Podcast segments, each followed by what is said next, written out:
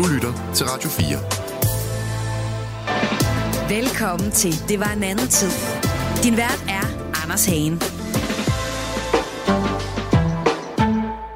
Du bor i en lille grønlandsk bygd. Du har boet der hele dit liv, lige her sammen med din familie. I lever af havet. Det er herfra, din verden går. Pludselig en dag får du at vide, at det vil være en god idé at flytte. Du skal til en større by. Du skal lære en ny måde at arbejde på. Du skal måske også lære dansk. Du skal helst faktisk bare blive lidt mere dansk. Det var i virkeligheden for mange grønlændere i en skældsættende periode i den her fælles dansk-grønlandske historie, som vi jo dykker ned i her i programmet. For mens hele verden forventede, at man afhændede kolonier, så forsøgte vi i Danmark at finde på mange kreative måder at indskrive Grønland som en del af Danmark. Meget var naivt, noget er måske misforstået. Men i dagens program samler vi op på den her moderniseringsproces, eller danisering, som Grønland har været igennem på dansk ordre hen over de seneste cirka 70 år. For har Danmark skuffet for meget på, og i en forkert retning? Det er nogle af spørgsmålene, som vi vil prøve at svare på i dagens udgave af Det var en anden tid. Jeg hedder Anders Sagen. Velkommen indenfor. Du lytter til Radio 4. Og i den her sæson af historieprogrammet her på Radio 4, det program, som vi altså har valgt at kalde for Det var en anden tid, der har vi jo rykket fødderne ud af den danske muld og plantet dem i grønlandsk fjeld. Vi har lavet øh, nedslag i nyere grønlandsk historie, og i dag der samler vi altså lidt op på det hele. Der sker så mange ting i Grønland efter 2. verdenskrig, det er vi jo blevet klogere på i de her forskellige afsnit, vi har lavet. Det er der, det er ligesom hele sker. Danmark vil gøre landet til en del af Danmark, et slags Norddanmark, det, vi altså her på programmet kalder en daniseringsproces, og det er det, vi skal blive klogere på. Sammen med dig, Jens Heinrich. Velkommen til. Jo, tak. Chef for Grønlands repræsentation her i Danmark, og så har du jo også en baggrund som Ph.D. i arktisk kultur og sprog og samfundsforhold. Ja, det er rigtigt.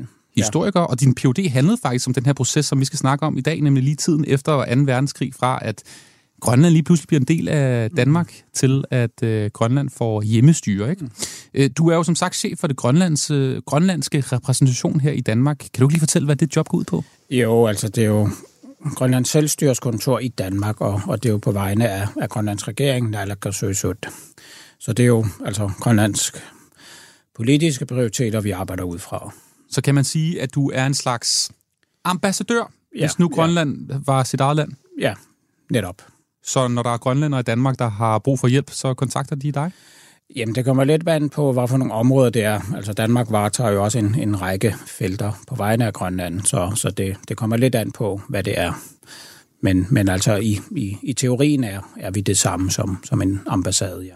Og hvad, er sådan, hvad går du og, og bruger tiden på lige for tiden? Udover et vandrør, der var gået i stykker derhjemme? Jamen, det kommer lidt an på, hvad for nogle sager, der kører. Altså, hvis der er sager mellem Danmark og Grønland, og det er der jo løbende, så, så kan vi sagtens blive inddraget i, i, i arbejdet og, og repræsentere Grønland fra, fra København. Så. Men ellers er det jo meget at facilitere, når, når grønlandske politikere og grønlandske embedsfolk er i Danmark, og, og så er det jo meget en, en indgangsport til Grønland for folk, der skal arbejde i Grønland, og, og ja, udenlandske ambassader, der vil have samarbejde med Grønland. Så, så ja, meget en, en indgang til Grønland, af det vi ja, arbejder ud fra. Spændende. I dag er du her i kraft af at være historiker, mm. og så også et form for historisk vidne på en eller anden måde, fordi du er jo i kød og blod, hvad Grønland har været igennem, mere eller mindre efter 2. verdenskrig, ja, øh, ja. I, i form af, at øh, din øh, mors familie jo er mm. stammer fra Grønland. Din morfar mm. var gammel fanger, mm. stolt fanger, og mm. din øh, far er fra, fra Danmark. Ja. Og det er jo en vildt spændende historie, som ja. vi skal, skal dykke ned i. Øhm, det er jo de mørke kapitler øh, fra Grønland, Danmarks historien, som vi åbner i det her program, og øh, det er jo også noget, som din familie som sagt har, har haft inde på livet. Men jeg ved jo, Jens, at du jo også er meget, altså ikke så sort-hvid. Mm. Du vil jo gerne have lidt mere sådan kontekst og prøve at forklare, hvorfor det var, at mm. Danmark gjorde, som det gjorde, og Grønland gjorde, som det gjorde. Hvorfor ja. er det vigtigt for dig? Jamen altså, det er jo vigtigt med, med en nuanceret viden og, og en nuanceret forståelse af, hvad, hvad der ligger til grund for dagens samfund, og og der synes jeg jo, det, det helt klart er, er vigtigt, at man, ja, at man ved så meget som muligt, og man også forstår de forskellige udgangspunkter, og, og hvad man fra, fra begge sider egentlig går, går ind i samarbejdet med.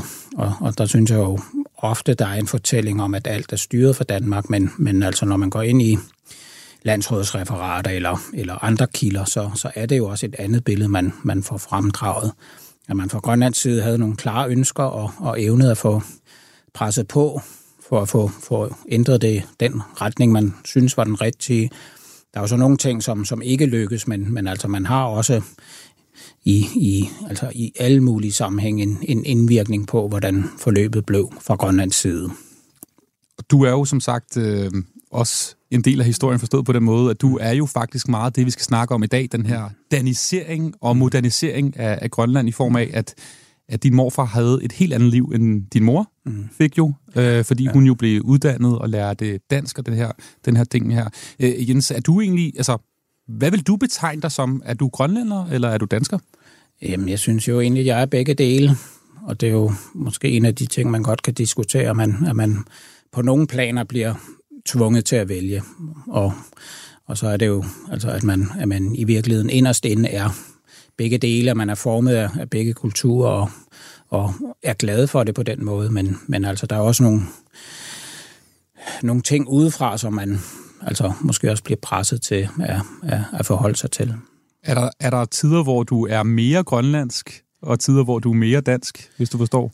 Ja, ja det, det, det kan være, at andre skulle bedømme det. det kan være, at snakke med Nicole. Ja, ja. Hvad med sådan noget med sproget, for eksempel? Fordi du mestrer jo dansk, du mestrer grønlandsk. Hvad, ja. Hvilket sprog tænker du på, når du... Jamen altså, da jeg voksede op, var det jo dansk, vi, vi talte derhjemme. Jeg gik i dansk skole i Grønland. Jeg er blevet bedre til grønlandsk over, over tiden, men, men altså, jeg er primært dansktalende.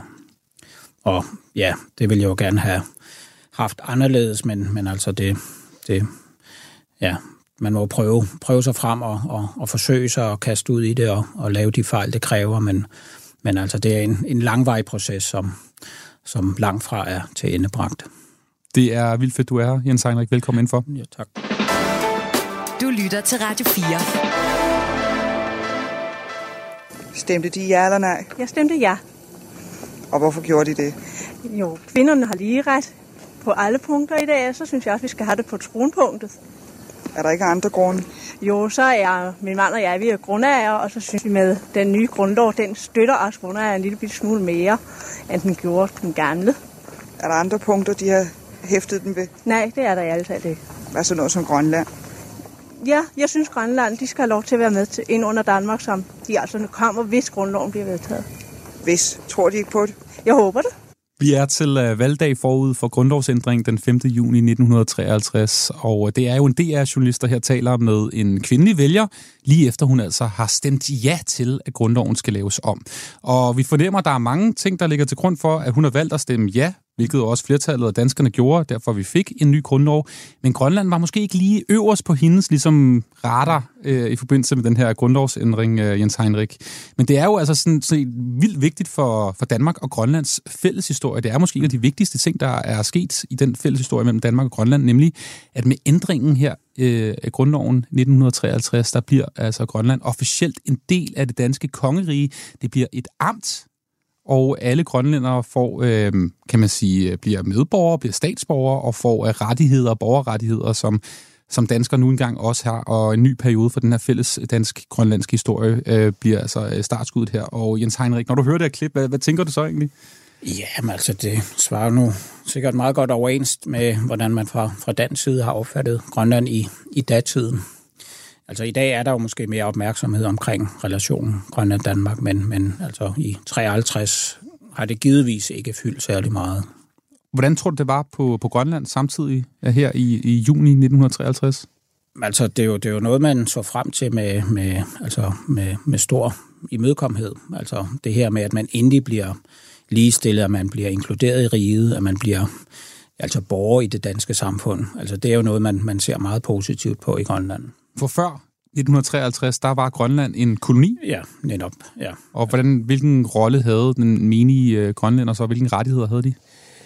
Altså det er jo, det er jo når, man, når man kigger igennem historien, så er der jo helt klart nogle, nogle forskelle. Altså man, man havde ikke frie rammer, og man havde ikke de samme muligheder, som, som borgere i Danmark havde.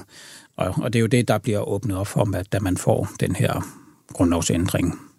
Og, og det er jo noget, man også gerne vil fra Grønlands side, altså være en del af det danske rige.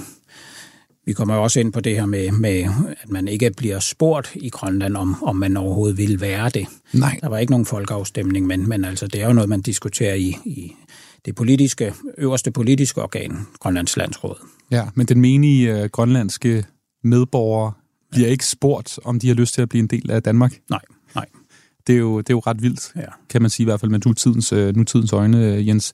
Men det her det er jo så startskud, som sagt, på, at, øh, at Grønland bliver forandret i virkeligheden, fordi det er det, vi skal snakke om i dag, den her moderniseringsproces, som virkelig, der kommer, kommer virkelig kul på, øh, på, på bålet her, fordi nu skal der ske noget i Grønland.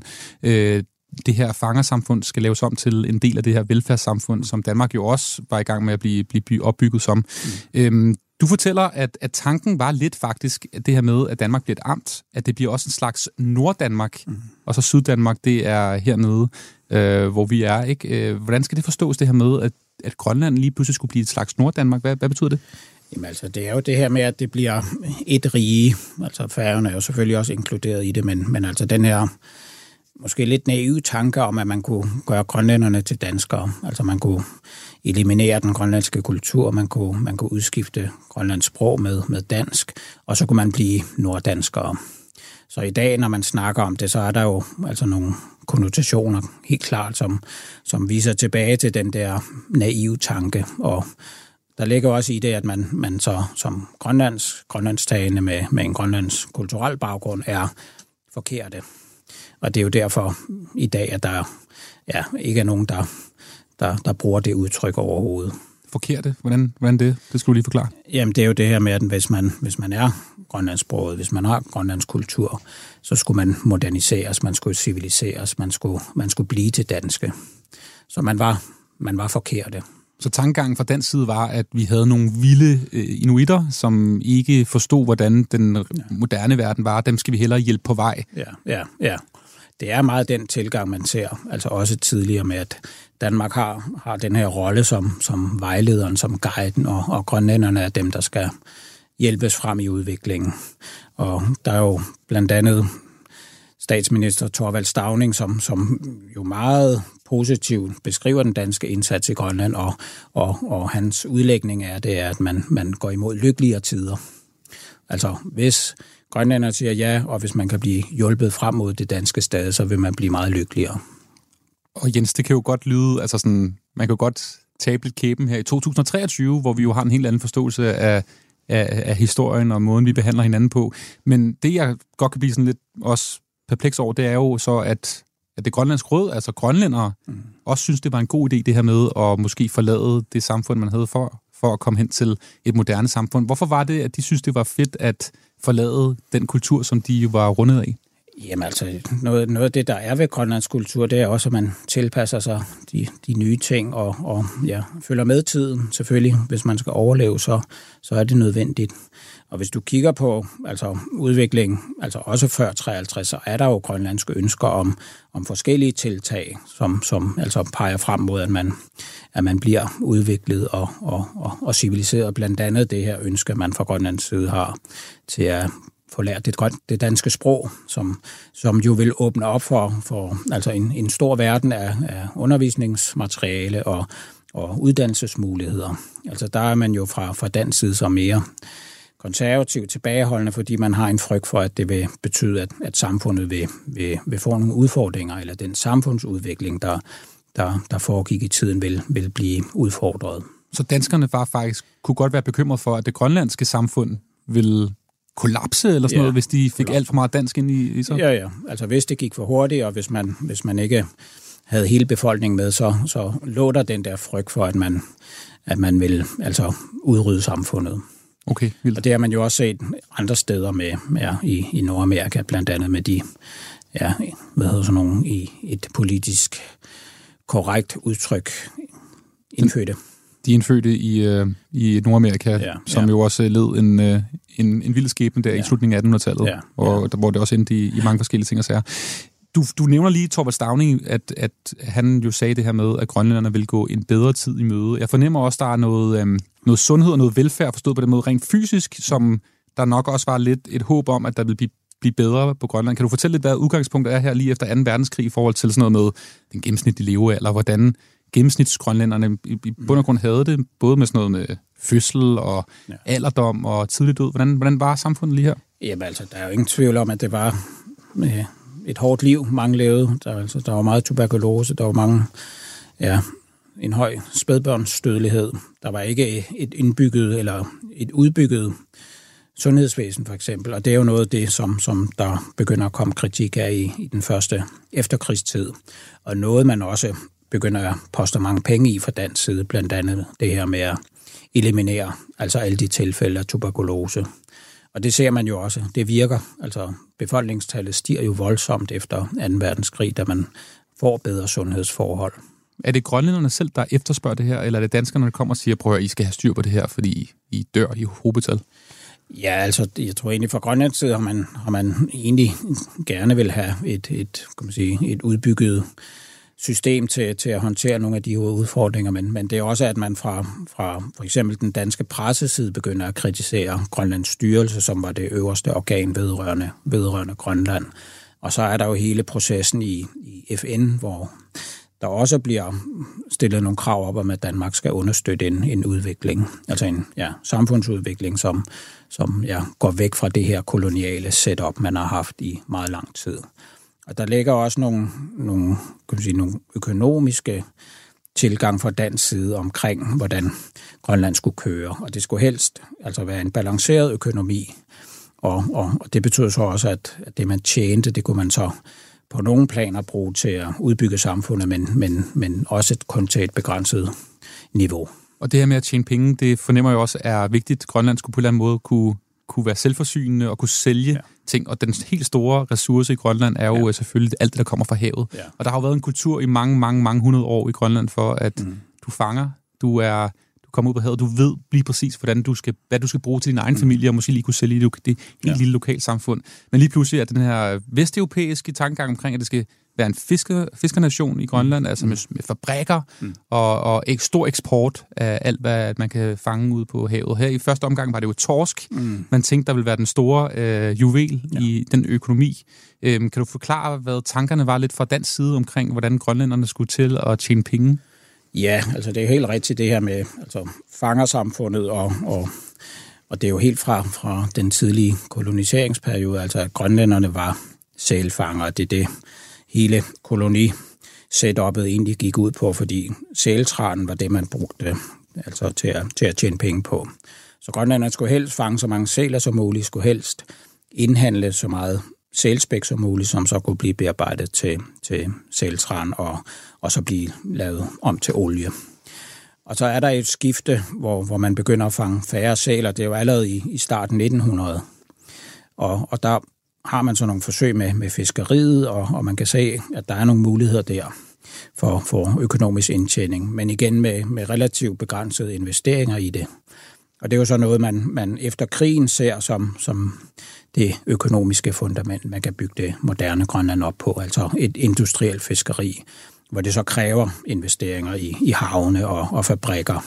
Og så skal hovedparten af den grønlandske befolkning være fiskere eller arbejde på fiskefabrikker.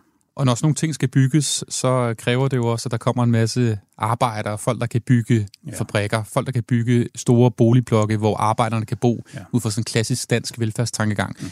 Det betyder vel også, at der kommer en hulens masse danskere lige pludselig til, øh, til Grønland, måske i meget større antal, end der har været tidligere under koloniperioden. Hvad betyder det for samfundet lige pludselig, at der kom så mange øh, danskere?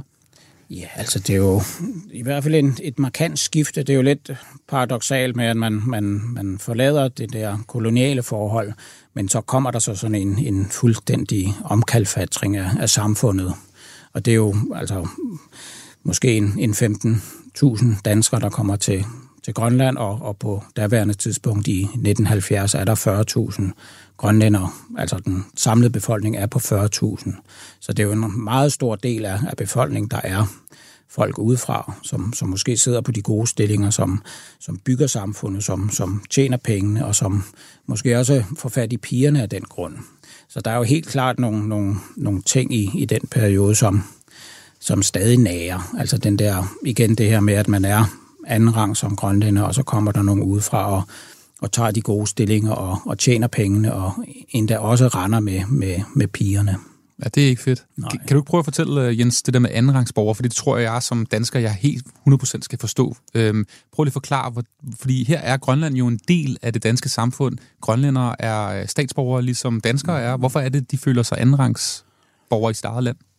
Altså det, med grundlovsændring, der tror jeg egentlig, man fra Grønlands side har den her opfattelse af, at nu er alt godt. Nu har vi nået målet. Nu, nu er vi, hvor vi skal være. Men det viser så, at det slet ikke er tilfældet. Altså ud fra de økonomiske vilkår, der er i Grønland, så, så bliver der jo så også nogle, nogle forskelle. Blandt andet med fødselsdagskriteriet, som bliver indført i, i 64, som betyder, at man som født i Grønland får en lavere løn, fordi det grønlandske produktionsniveau er lavere, og man skal være solidarisk i forhold til nogle af de andre erhvervsgrupper. Så hvis en dansker kommer og tog samme job, så vil danskeren få flere penge? Ja, ja. Og så i, i hovedsagen, så vil en dansk arbejder blive foretrukket, altså også til ledende stillinger. Hvorfor?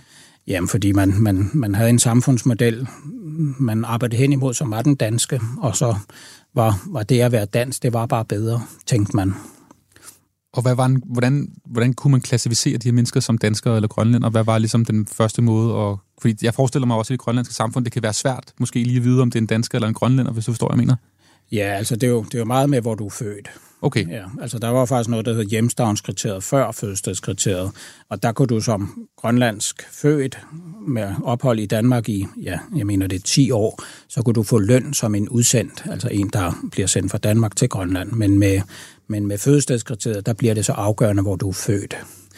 Så er der så også altså børn født af danske forældre i Grønland, som, som så reelt hører under fødselskriteriet, så, så den officielle udlægning var, at det ikke var et etnisk kriterie, man, man arbejdede ud fra. Det lyder jo helt absurd uretfærdigt, det her. Og det får jo sådan lidt ens tanker hen på noget sådan apartheid. Jeg ved godt, det er et ord, som der, der betyder noget andet, men det virker jo lidt sådan, det der med, at der er forskel på mennesker i forhold til, hvor de er født. Hvad, ja. hvad, hvad sagde grønlænderne til det her?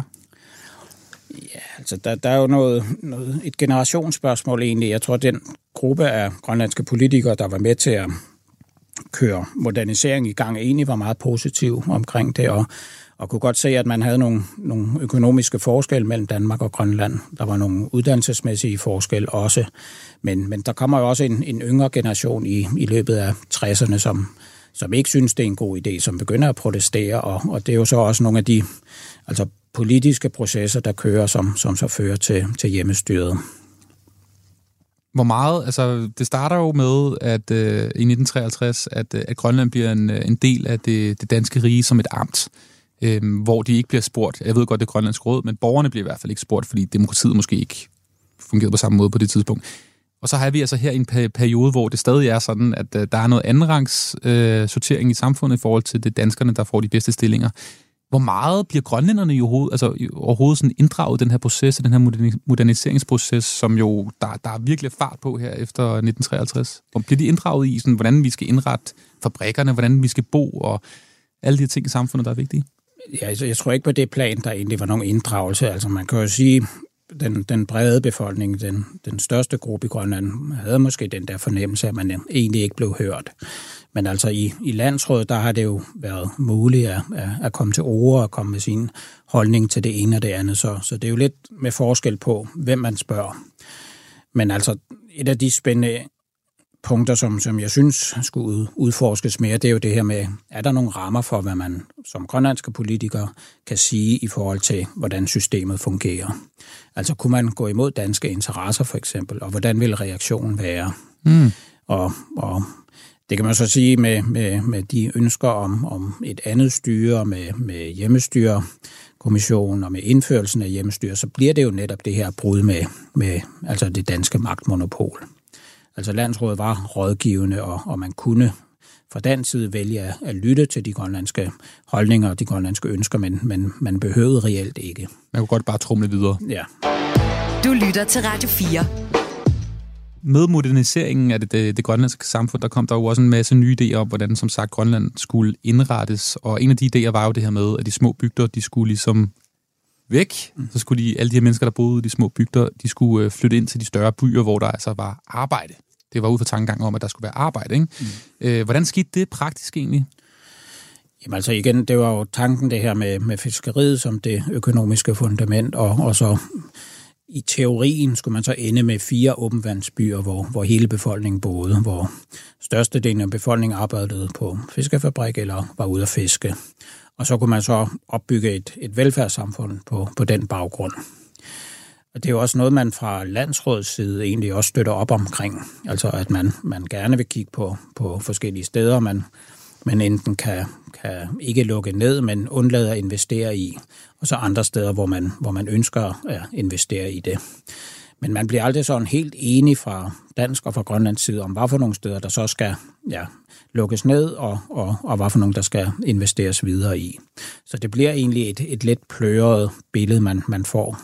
Og i dag er der jo nogle 70 beboede steder, så, så det er jo ikke en politik, der er lykkedes. Men, men altså, der er jo også mange, der har haft den der fornemmelse af, at man, man er blevet tvunget til at flytte. Altså det her med, om man overhovedet har altså kontrol over eget liv, om man træffer sine egne beslutninger, eller om det er andre, der gør det for en. Den her frivillige tvang, som det bliver kaldt. Prøv lige at fortælle, altså, hvad er det, folk har oplevet så den her proces, hvor de har været ude i en bygd, og så, hvordan, hvordan sker det praktisk? Jamen altså for eksempel, hvis du har et, en, en boplads eller en, en bygd, hvor, hvor du har en skole, du har et elværk, du har en butik, du har en kirke, de ting bliver, bliver lukket ned, og så, og så kan du vælge at blive boende, men så må du så undvære alle de der ting. Og, og, og så har det jo ofte været det her med, at der kommer en, en myndighedsperson til en, en eller anden given familie og, og siger, at altså, det vil være godt, hvis I flytter ind mod, ind mod byen, men, men altså det er op til jer selv. Var det en dansker så typisk, der kom der? Ja, det kunne være fra, ja, det kunne være fra administrationen, eller det kunne være, ja, det kunne sagtens også være en, en grønlands ansat. Men altså i det hele taget sådan en myndighedsperson, som, som kommer og, og foreslår det. Og det er jo så lidt om, om, om de har opfattet det som tvang eller, eller, eller ikke. Altså fra officiel side, så var der ikke nogen tvang.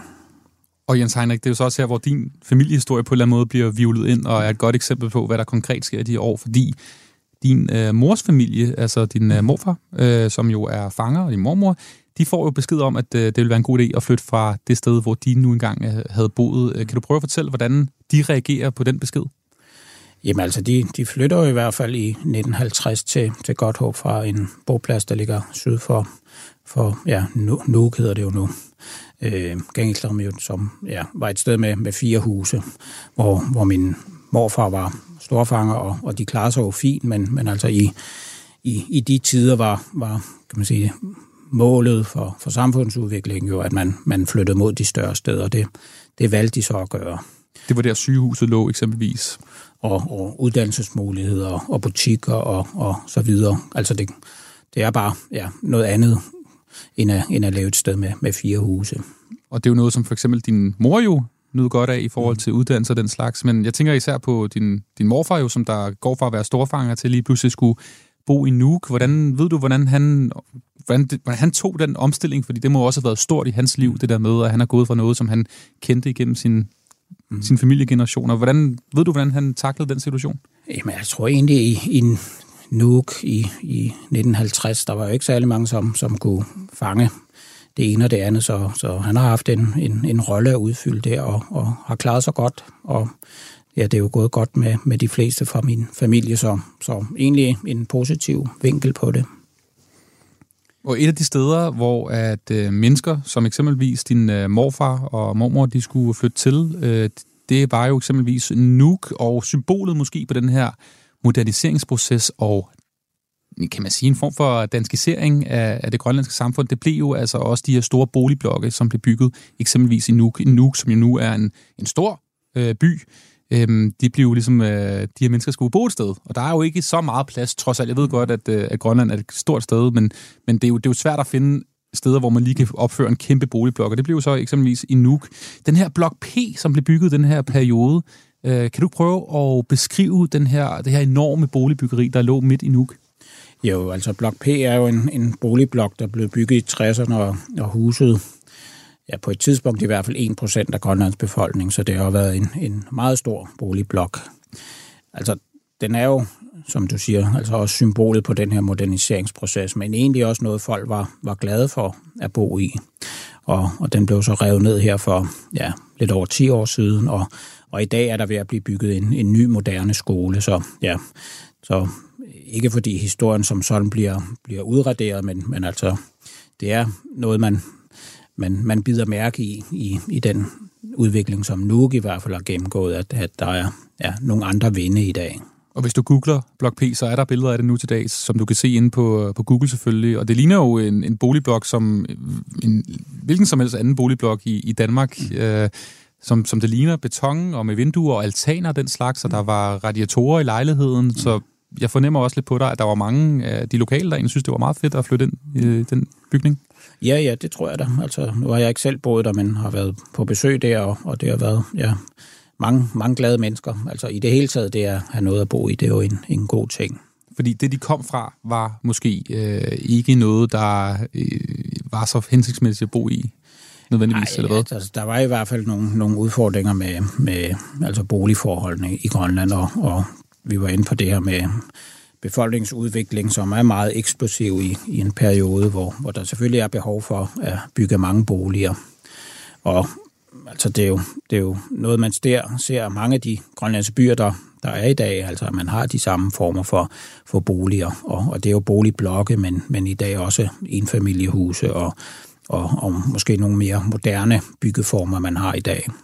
Og når øh, grønlænderne så kommer ind til de her større byer, jeg ved godt, at der, var, der, var, der, der er mange byer i Grønland stadig på det tidspunkt, men en by som eksempelvis Nuuk, som jo er en, en stor, øh, stor by, kan man så også tale om, at de blev, øh, at de så inde i byerne der skulle ligesom lære at blive gode danske statsborgere inde i de her byer. Hvordan, hvordan kom det til at se ud?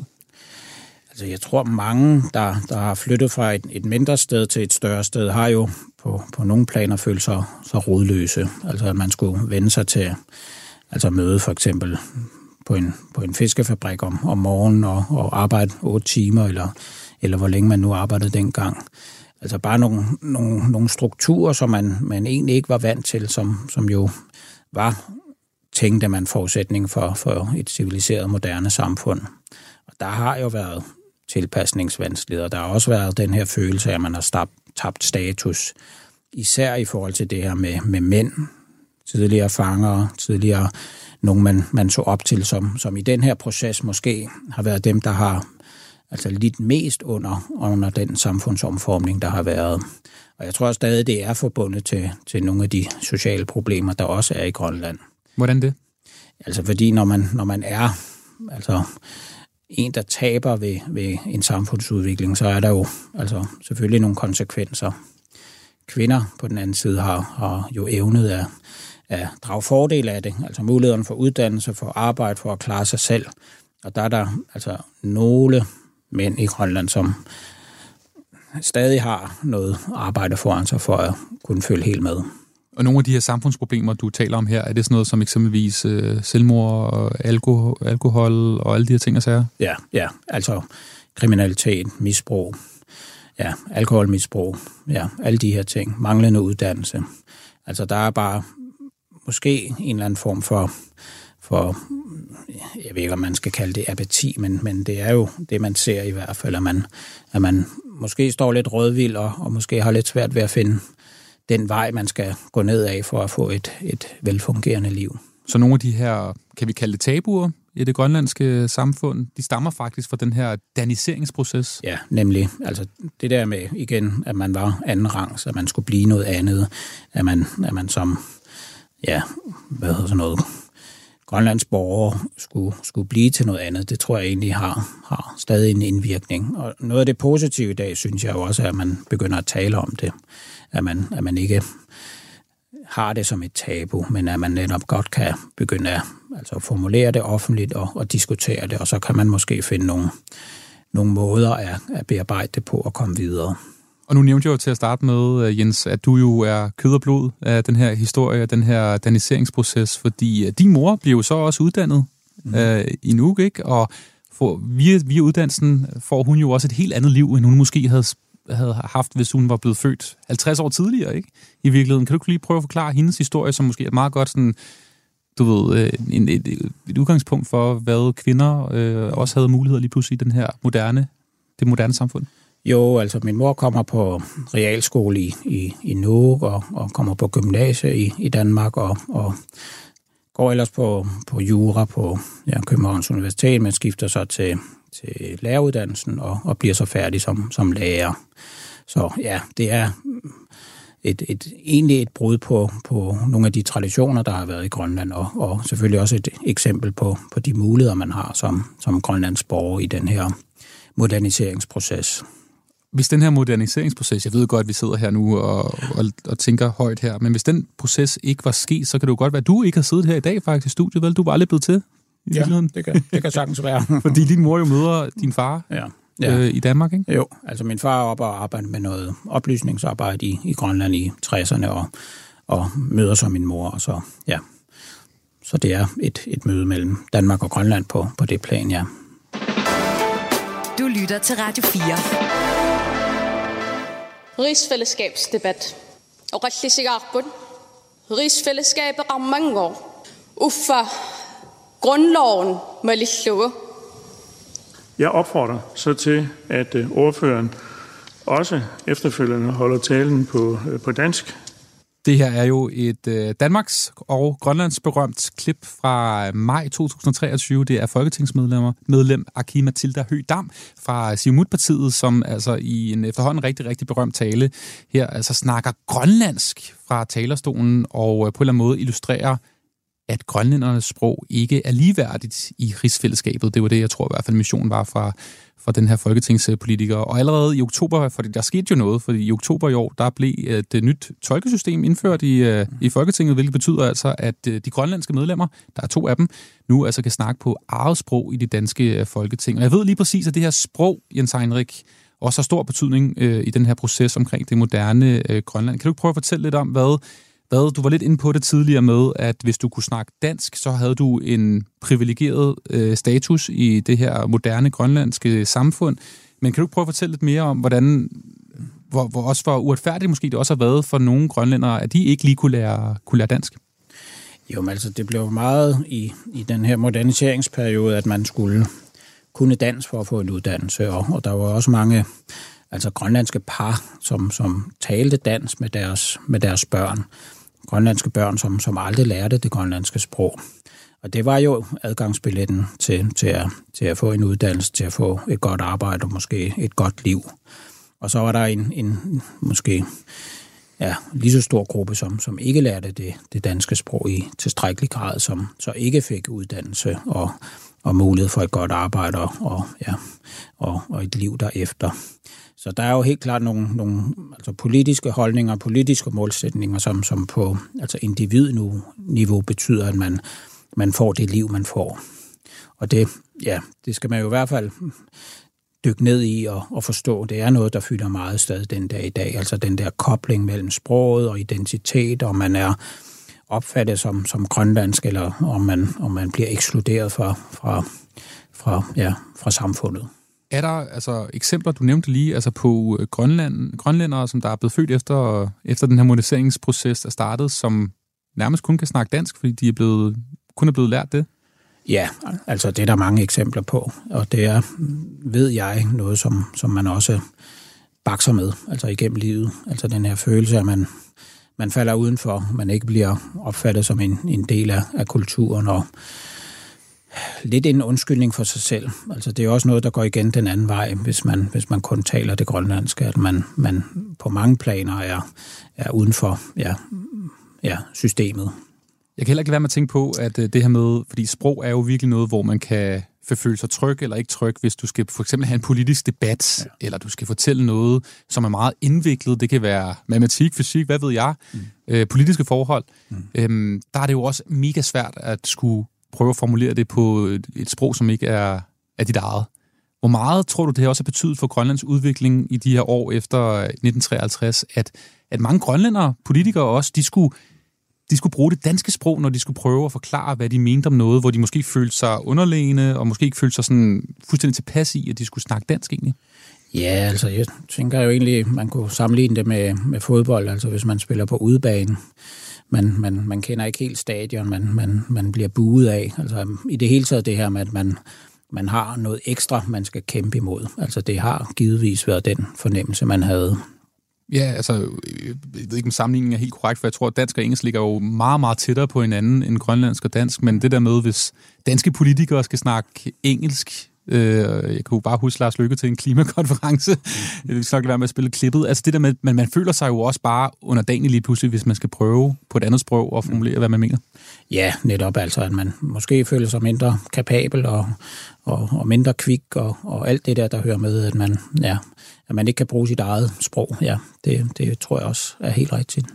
Og som historiker, kan du stadig opleve den her arv, altså som stammer fra efter 1953, hvor dansk altså blev ligesom det sprog, som du skal mestre for at kunne få en, en større stilling i samfundet. Kan du stadig se den her i 2023 Grønland? Ja, altså den, den er der jo. Den er jo en del af, af samfundsdebatten, og, og, og man kan jo se med, med indførelsen af hjemmestyr, der kommer der også en modreaktion på, på danisering, og vægten bliver lagt meget på, at man skal bruge det grønlandske sprog, man skal være grønlands for at måde det, øh, sidde i, i bestemte stillinger, så, så der er jo, altså det er jo måske meget naturligt, at man, at man finder sig selv, da man får hjemmestyret, og man, man selv kan udstikke retningslinjerne, men, men man kan jo godt diskutere det her med, om, om det er så fornuftigt, at man, at man undlader for eksempel at lære dansk, altså fordi så bliver man hæmmet i de muligheder, man har.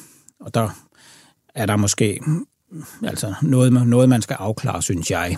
Altså det er min personlige holdning, og, og, og man skal jo træde lidt varsom ind i nogle af de her debatter, men, men altså jeg synes, noget af det er, at man, man, man bør give ens befolkning så, så mange muligheder som muligt, og, og, og det gør man ikke, hvis man, hvis man stikker dem.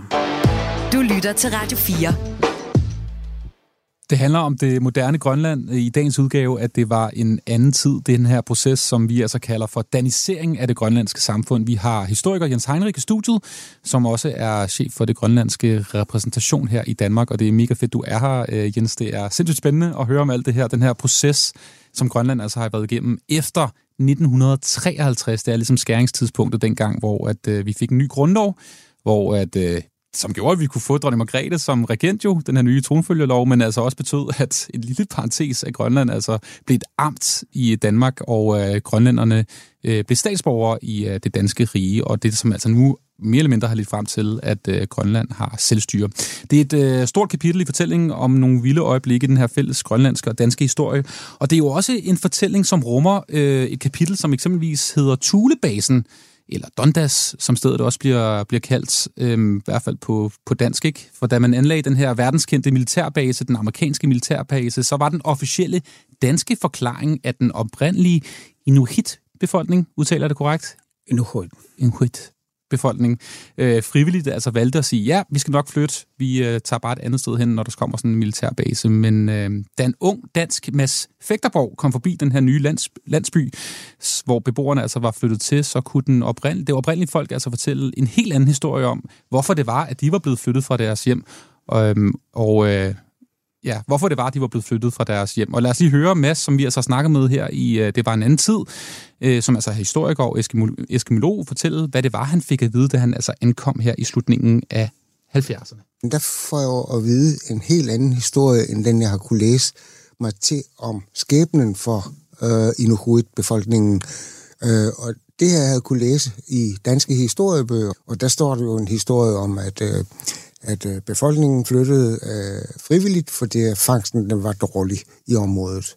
Men øh, i Granak, der, der begynder øh, der at dukke en anden historie op, fordi folk de fortæller jo øh, glædeligt om deres skæbne, og hvordan det var nede på den gamle boplads, og hvorfor de bor, som de bor, og og så videre og så videre. Det er jo noget, som begynder at, at, at rumle rundt ind i hovedet på mig, fordi hvad er det for noget? Den ene historie, den, den siger, at folk de flyttede frivilligt, og den anden historie, den fortæller, at de er blevet tvunget til at flytte inden for, inden for en uges tid.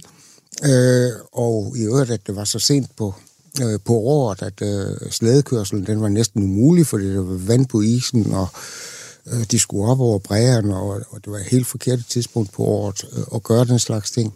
Og hvordan har de her mennesker, der fortæller dig den her historie, hvordan har de det, når de fortæller dig det? Jeg tror, øh, den fornemmelse, jeg fik dengang, øh, at de var stolte over at kunne fortælle en dansker, at det er altså ikke helt, som I tror. Her var det altså historiker og eskimolog Mads Fægteborg, der i et tidligere program her i Det var en anden tid fortæller om sin oplevelse, da han altså første gang hørte om en lidt anden vinkel på fortællingen om øh, uh, Tulebase og det oprindelige folk, der var altså var blevet flyttet øh, under tvang til et helt andet sted. Øh, vi har Jens Heinrich i studiet, som jo er historiker også. Hvad tænker du egentlig, når du hører øh, Mads fortælle den her sag fra et dansk synspunkt? Altså som dansker, han vidste ikke, at det her det var sket, og det, det var jo øh, cirka to årtier efter, at det var sket. Jamen altså, det siger jo noget om, om danske interesser i, i forbindelsen med, med USA. Altså at man meget gerne vil være imødekommende over for amerikanerne og, og, og stille territorie til rådighed for amerikanere, men også den her tanke om, at, at den her lokale Inuit-befolkning potentielt kunne lide under at bo meget tæt på en amerikansk base. Og det er jo så baggrunden for, at man så flytter den. Og det sker jo i den her periode, som vi jo taler om i dagens udgave, altså den her moderniseringsproces, hvor man vil gøre det grønlandske samfund til øh, et dansk samfund, og man vil have da- øh, grønlænderne til at være danskere. Men så samtidig sker det her med en anden hånd, altså at øh, vi lige tvinger nogle, øh, nogle, nogle mennesker væk og, og laver en base, uden at grønlænderne lige bliver hørt. Og det er vel lidt modstridende i forhold til den proces, man er i gang i, eller hvad? Jo, altså det kan man jo sige. Altså der er jo i hvert fald nogle hensyn fra dansk side, som, som så trumfer hensynet til, til grønlanderne. Og ja, altså en, en, en udvidelse af, af, af basen betød at man, man kom for tæt på den her boplads, og så, og så blev forklaringen jo, at man, man havde forringet fangstvilkår, at man ja, selv fra Grønlands side ønskede at, at flytte, men, men det er der jo ikke noget, der tyder på. Det er jo, altså den danske statsadministration, som, som føder ind i den her bevægelse, som, som så ender med, at de bliver flyttet i ja, nogle uger før grundlovsændringen. Hvilket var meget smart tænkt øhm, fra, fra danskernes side, hvis man skal have lidt uh, Jones, uh, være Jones advokat. Den ligger der jo stadig. Nu hedder den uh, Pidovik uh, RB, uh, Space Base faktisk, mm. uh, Thulebasen, som det var oprindeligt nu. At der er stadig amerikanere, der er stadig danskere, uh, altså på det her område, som jo tilhører Grønland i virkeligheden. Det er jo mm. Grønlands uh, ejendom i virkeligheden. Ikke? Uh, den her historie, som altså uh, er stadig en del af samtiden i Grønland, er det noget, som grønlændere øh, bliver undervist i? Bliver de fortalt om, hvad der er sket rent faktisk i deres eget land? Ja, altså i dag er der jo folk, der, der dykker ned i det og, og skriver om det, så det er, jo ikke en, det er jo ikke en hemmelighed. Men altså i det hele taget, den der danske interesse i Grønland er jo noget, man, man kigger meget på. Altså man har jo med, med kryolitmin i, i Sydgrønland også stor indtjening til staten, men også til, til et, et privat selskab. Og så er der jo med, med 2. verdenskrig starten, altså Grønlands strategiske betydning, som selvfølgelig også er noget, man fra dansk side bruger i forhold til amerikanerne, i forhold til, til NATO. Og, og under den kolde krig er det jo altså helt klart, at man fra dansk side kan spille ind i, i det her i det her spil, og, og, og måske få nogle, nogle, noget goodwill fra, fra amerikanerne og fra de andre NATO-allierede. Og det er jo altså også noget, man, man bør kigge på yderligere, altså de her danske interesser i, i forbindelsen til Grønland. Også stadig den dag i dag. Og det er jo ret sent, at øh, den her historie jo bliver fortalt, og der bliver åbnet op for, hvad der rent faktisk er sket dengang. Øhm, hvordan har reaktionerne været i øh, Grønland efterfølgende? Jamen altså, det, det er jo, der er jo en retssag i 90'erne, som, som ender med at, at, at pålægge Danmark ansvaret for, for den her flytning, at det ikke var sket frivilligt, og, og en, en kompensation til, til de berørte, og, og man fik en, en undskyldning fra, fra daværende statsminister øh, Poul Nyrup Rasmussen, og man fik jo også en, en lufthavn i Grenaa. Så der var jo også en, en, en, en, en dansk ansvarstagen om, omkring hele den her proces, og, og det skal der jo til, også i dag, altså at man fra, fra dansk side anerkender de ting, man har gjort i Grønland, og, og hvis det er på sin plads også kommer med undskyldninger. Det kan man også se med, med Mette Frederiksen her for nogle år siden med, med de såkaldte eksperimentbørn, altså at man, man selvfølgelig fra dansk side i dag er åben for, at man, man har gjort nogle, nogle ting forkert i Grønland, og, og, og det skal frem, og det skal man også vide noget om selvfølgelig. Du lytter til Radio 4. Jens Heinrich, jeg synes også, det er vigtigt lige at komme ind på den øh, forsoningsproces, der foregik her, for, øh, der startede for små 10 år siden. Øh, kan du prøve at fortælle lidt om den, det projekt mellem Grønland og Danmark, som også på en eller anden måde taler ind i, i det her tema? Ja, altså det var jo daværende formand for Nalakasøsut, Al Rahamon, som, som havde den her tanke, at man måske inspireret af processerne i, i Sydafrika og i Kanada, at man, at man havde noget at forsone, at man havde et eller andet altså man skulle forholde sig til i forhold til den historiske udvikling, der havde været. Og det blev også foreslået Danmark, at de kunne deltage i den her forsoningskommission, men, men afslog så på et daværende tidspunkt. Og så blev det så i stedet en, en intern grønlandsforsoningsproces. Og der tror jeg, altså udløberne, det har været den her aftabuisering og, og, og den her mulighed for at, at kigge på, på, på den arv, der er efter den historiske udvikling i højere grad. Og det er jo noget, der skal til. Altså at man, at man, man åbner op, man, man fortæller sine erfaringer, man, man, man på det plan også kommer videre. Man giver slip på, på nogle af de ja, uheldige ting, der har været igennem udviklingen. Vi sidder her i 2023, og Grønland fik jo selvstyre i 2009, og det er jo en slags, kan man sige, kulmination på den her modernisering, fejlslagende danisering, og så senere altså sådan en selvstændighedsbevægelse, der jo først var et hjemmestyre, og så senere altså kulmineret i 2009 med et selvstyre. Kan vi sige her, her til sidst egentlig, at Danmark på en eller anden måde var totalt, gik, det gik helt galt med den her daniseringsproces af, af Grønland. Det var, det var, det var fejlslagen. Det lykkedes ikke. Altså både og. Altså hvis man kigger på, på Grønland i dag, så er det jo også en, en succeshistorie. Det er jo også på baggrund af, af samarbejdet mellem Grønland og Danmark. Og det er jo altså også en, en relation, som løbende udvikler sig.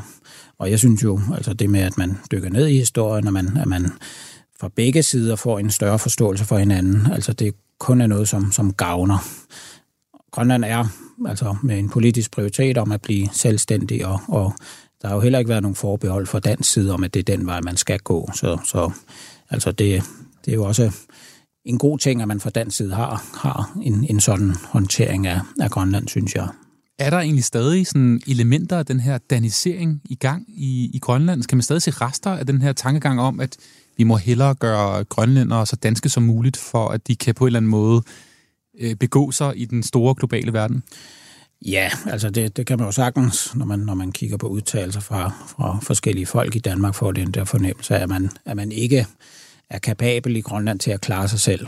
Altså at man, at man har brug for Danmark til at blive beskyttet og til at blive vejledt. Og ja, altså det, det siger måske mere om, hvordan man ser sig selv fra den side, end, end hvordan realiteterne egentlig er. Fordi der er meget kraft og, og meget stolthed og meget altså potentiale i Grønland, og, og, og det udfolder sig også løbende. Så det, det er meget rart at se.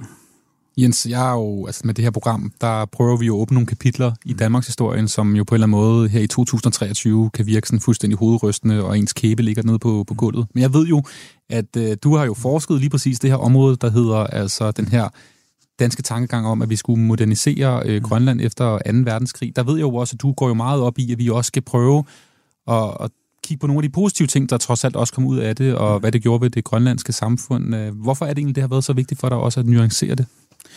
Jamen altså, det bliver jo... Jeg synes ikke, man gør sig selv nogen tjeneste ved kun at kigge på, på, på tingene, der gik galt. Altså, det skal man jo også, men, men altså også huske de positive ting, der skete igennem, igennem den her historiske udvikling. Altså, ja, ja, ja, altså kende historien på godt og ondt, og, og, og måske lære af den, og, og se, hvor, hvor det lykkes, og, og andre steder, hvor det ikke lykkes. Altså, det er jo en, en del af den proces, som, som samfundet også skal, skal igennem for at, for at lykkes. Tror du egentlig, når vi sidder her om 30 år, og jeg skal lave sæson 550, at det var en anden tid, tror du så også, at vi vil sidde og kigge på nogle kapitler her fra 2023 fra den dansk-grønlandske historie, som vi vil sidde om mange, mange år og tænke, hvad var det, vi lavede der altså? Ja, givetvis. Det, det vil tiden jo vise, men altså, der er jo nogle grønlandske øh, forfattere i, i starten 1900, som, som formulerer sig omkring sådan nogle fremtidsscenarier, og, og i deres fremtidsscenarier, der er Grønland blevet i stand til at klare sig selv. Man har et ligeværdigt forhold med Danmark, og, og egentlig ikke med den her brug for at blive holdt hånden af, af Danmark igennem alle de ja, trin, man nu skal igennem. Og så er det måske også det her med, med definitionsretten. Hvem er, hvem er sådan noget, i stand til at beslutte, at det næste skridt skal tages. Og der kommer det meget, meget mere til at være et Grønlands udgangspunkt på, altså hvad vil vi? Vi har jo retten til, til selvbestemmelse nu. Altså hvis Grønland vil, så kan man jo stemme, at man bliver selvstændig. Man er ikke der endnu, så man føler sig parat til at træffe det valg, men, men altså det er den målsætning, der ligger. Jens Heinek, det har været en fornøjelse at have dig i studiet. Mm-hmm. Historiker og altså også chef for Grønlands repræsentation i Danmark. Og tusind tak, fordi du har lyst til at være med. Yes, selv tak. Det var en anden tid. blev produceret af Beam Audio Agency, og det er jo Radio 4, du lytter til. Jesper Amundsen og har været med til at lave programmet, havde det store overblik. Jeg hedder Anders Hagen, og husk, at du kan høre det her program og også de fire andre afsnit, vi har lavet om øh, den dansk-grønlandske historie. Det gør du inde i Radio 4's podcast-app, eller der, hvor du nu engang hører din podcast. Tusind tak, fordi du havde lyst til at høre med. Du lytter til Radio 4.